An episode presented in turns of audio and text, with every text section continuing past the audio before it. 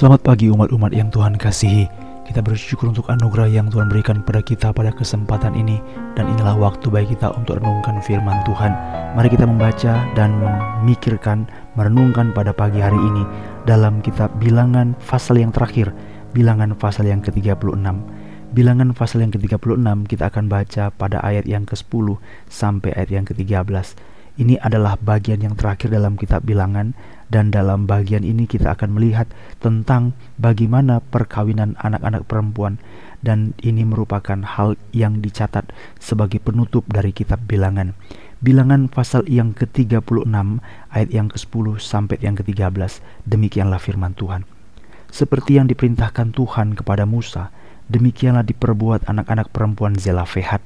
Maka Mahla, Tirza, Hokla, Milka, dan Noah, anak-anak perempuan Zelafehat, kawin dengan anak-anak lelaki dari pihak saudara-saudara ayah mereka. Mereka kawin dengan laki-laki dari kaum-kaum Bani Manasye bin Yusuf, sehingga milik pusaka mereka tetap tinggal pada suku kaum ayahnya. Itulah perintah dan peraturan yang diperintahkan Tuhan kepada orang Israel dengan perantaran Musa di dataran Moab di tepi sungai Yordan dekat Yeriko. Sampai di sini pembacaan kitab suci.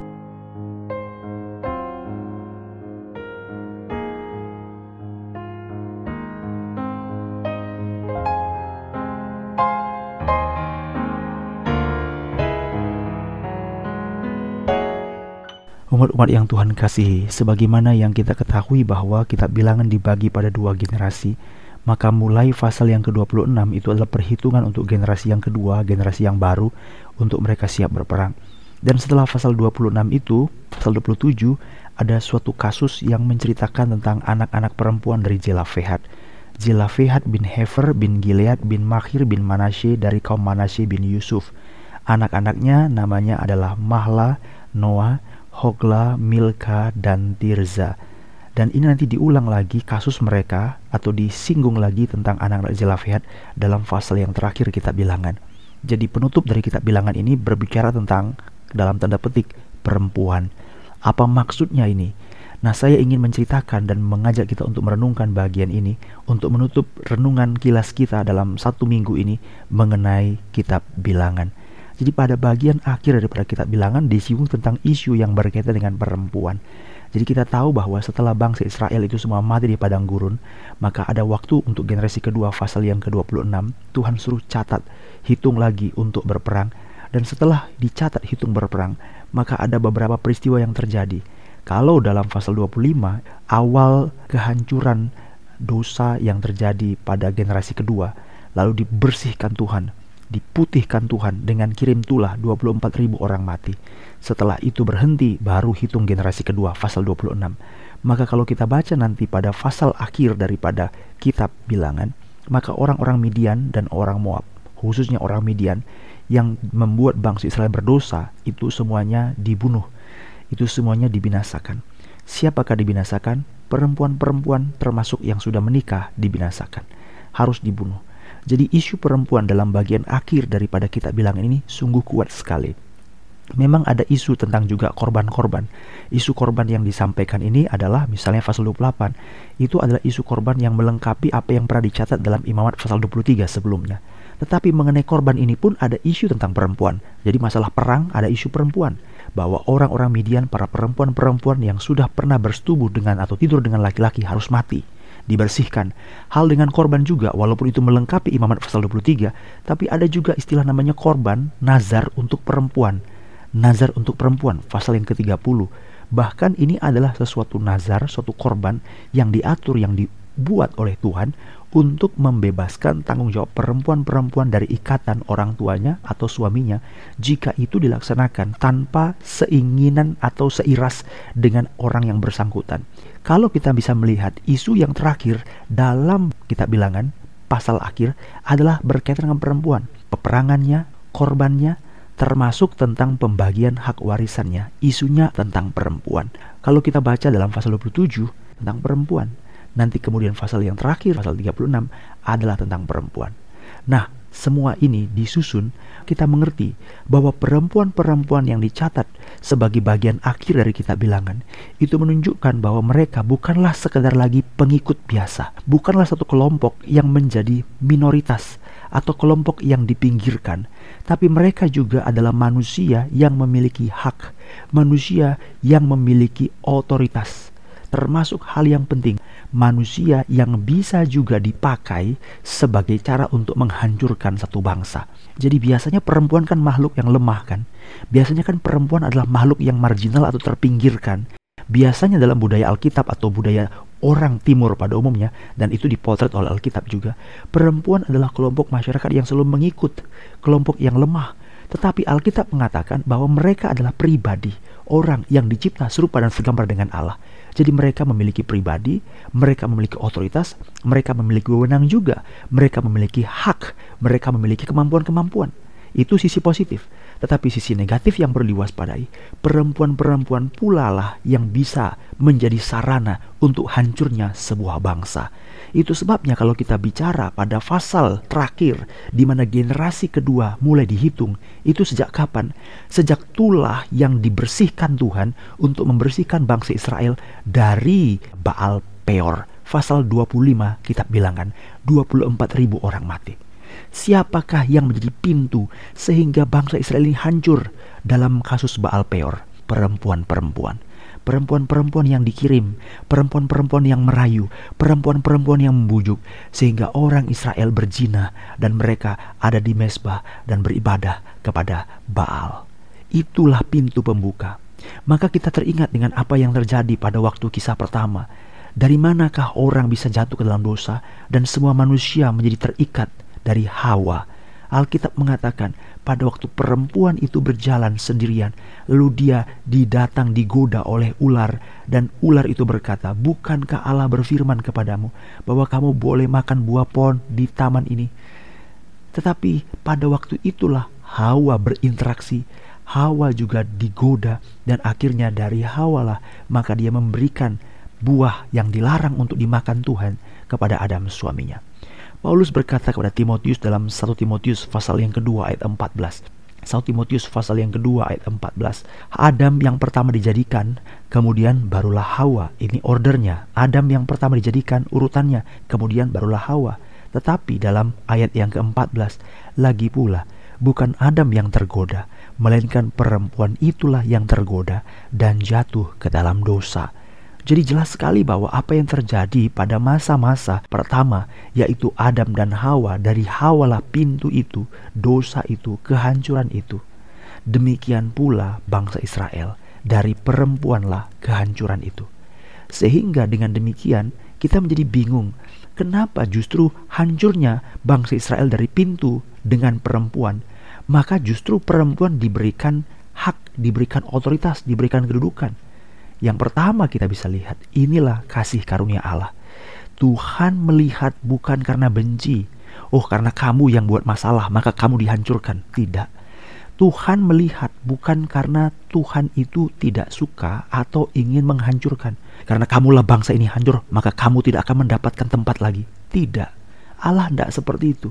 Cara Allah untuk memberikan anugerahnya untuk memberikan sanksinya, untuk memberikan penghukumannya, untuk menyatakan kemuliaannya, untuk menunjukkan keadilannya, itu selalu dalam ruang anugerah, dalam ruang kasih karunia.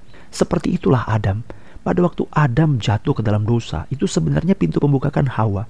Tetapi Adam tidak dikutuk oleh Tuhan. Hawa pun tidak dikutuk oleh Tuhan. Tetapi ular yang dikutuk oleh Tuhan. Kutuk kepada manusia itu bukan pada Adam, bukan pada Hawa, tapi pada Kain. Pada pasal yang keempat. Ini menunjukkan Allah itu menunjukkan kemuliaannya, menunjukkan kehadirannya, menunjukkan keadilan, kemuliaan, menunjukkan kesucian, menunjukkan sanksinya, hukumannya. Itu dalam ruang apa? Anugerah, dalam kasih karunia, bukan dalam hukum, dalam emosi yang membabi buta. Jadilah orang tua yang mendidik itu dengan anugerah. Apa itu anugerah? Anugerah itu bukan serba boleh. Anugerah itu adalah menyatakan keadilan secara wajar, menyatakan keadilan kemarahan sebagaimana seharusnya. Kalau itu salah, katakan salah. Kalau itu benar, katakan benar.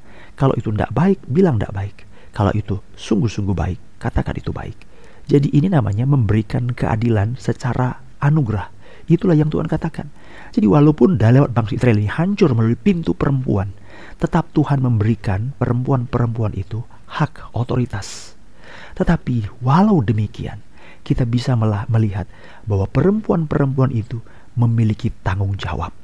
Jadi pada waktu kita melihat ini sebagai bagian dari anugerah Tuhan, maka kita juga melihat bahwa perempuan-perempuan itu diberikan tanggung jawab.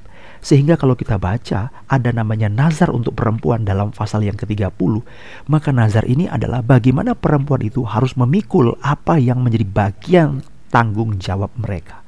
Tetapi kalau mereka tidak wajib dikenakan tanggung jawab itu, mereka boleh bebas. Maka ada namanya nazar yang membebaskan mereka dari tanggung jawab yang harus mereka pikul karena tidak sepengetahuan misalnya suami mereka atau orang tua mereka tidak sepengetahuan apa yang mereka nazarkan. Nanti saudara bisa dalami lagi dengan membaca bilangan pasal yang ke-30. Jadi inilah yang terjadi. Sehingga menutup kitab bilangan ini, kita melihat isu perempuan ditekankan.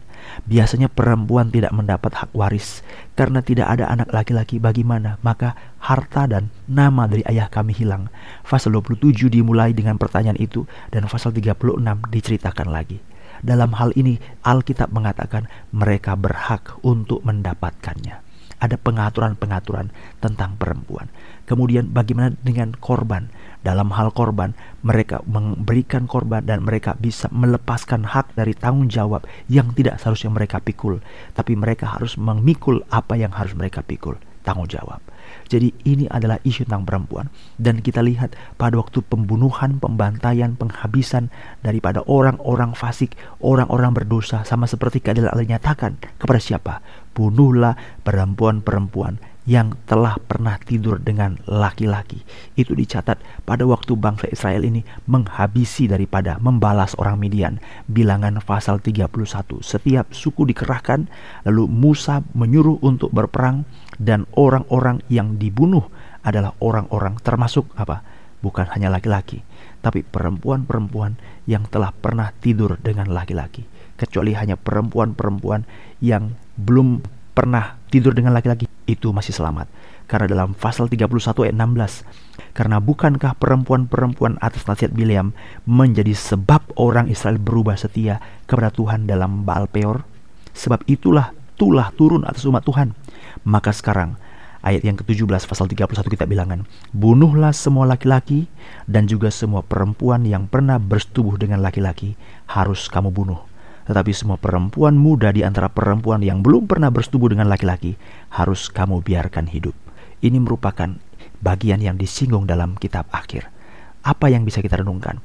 Walaupun mereka adalah pintu daripada kehancuran, tetap mereka diberikan hak. Apakah ini sesuatu hal yang bahaya? Mungkin manusia berdosa mengatakan ini bahaya, tetapi inilah kasih karunia Allah. Kasih karunia Allah menuntut tanggung jawab, maka mereka memiliki tanggung jawab, memiliki tanggung jawab seperti lainnya, perempuan-perempuan itu.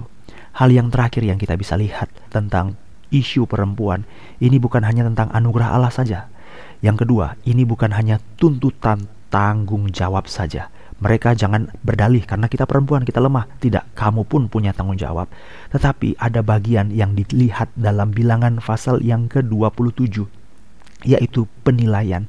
Apa itu? Kalau kita baca anak-anak Jelafehat itu walaupun mereka perempuan, mereka sanggup memberikan penilaian tentang fakta, realita dan pekerjaan dan kehendak Allah. Kalau kita baca dalam bilangan pasal 27 ayat yang ketiga, anak-anak Jelafehat perempuan-perempuan ini berkata, Ayah kami telah mati di padang gurun, walaupun ia tidak termasuk ke dalam kumpulan orang yang bersepakat melawan Tuhan, ke dalam kumpulan Korah, tetapi ia telah mati karena dosanya sendiri, dan ia tidak mempunyai anak laki-laki. Mengapa nama ayah kami harus hapus di tengah-tengah kaumnya? Oleh karena ia tidak mempunyai anak laki-laki. Berilah tanah kami milik di antara saudara-saudara ayah kami. Lalu Musa menyampaikan perkara mereka itu di hadapan Tuhan. Dan akhirnya berfirmanlah Tuhan kepada Musa, perkataan anak-anak perempuan Zelafet itu benar. Penilaian. Jadi walaupun mereka perempuan, mereka memiliki penilaian yang tepat. Tuhan sendiri berkata, perkataan-perkataan anak perempuan itu benar. Dalam hal apa? Dalam hal harta warisan? Betul. Tetapi lebih daripada itu, ada satu isu yang juga mereka katakan dalam hal dosa. dalam ayat 3 sudah kita katakan tadi, ayah kami mati di padang gurun. Tidak sama seperti Korah yang memberontak melawan Tuhan. Dia tahu loh ada kelompok Korah. Dia tahu loh ada namanya memberontak pada Tuhan. Tapi ayah mereka juga orang berdosa. Mereka berkata, dia mati karena dosanya sendiri. Penilaian. Jadi meskipun dia perempuan, dia bukan hanya sekedar ikut-ikut. Meskipun dia perempuan, dia bukan kelompok marginal. Tapi dia adalah orang yang dapat memberi penilaian. Itulah anugerah Tuhan. Karena Tuhan melihat hal ini, maka Tuhan memberikan kepada mereka otoritas. Mereka diberikan kesempatan. Mereka juga diberikan hak dan tanggung jawab. Dituntut. Karena apa? Tuhan tahu mereka sanggup untuk buat penilaian. Biarlah Tuhan terus bekerja supaya kita menjadi orang yang bukan hanya ikut arus dunia masyarakat, tapi kita sanggup untuk buat penilaian-penilaian di hadapan Allah. Karena cepat atau lambat Tuhan akan meminta pertanggungjawaban dari kita masing-masing. Marilah kita berdoa.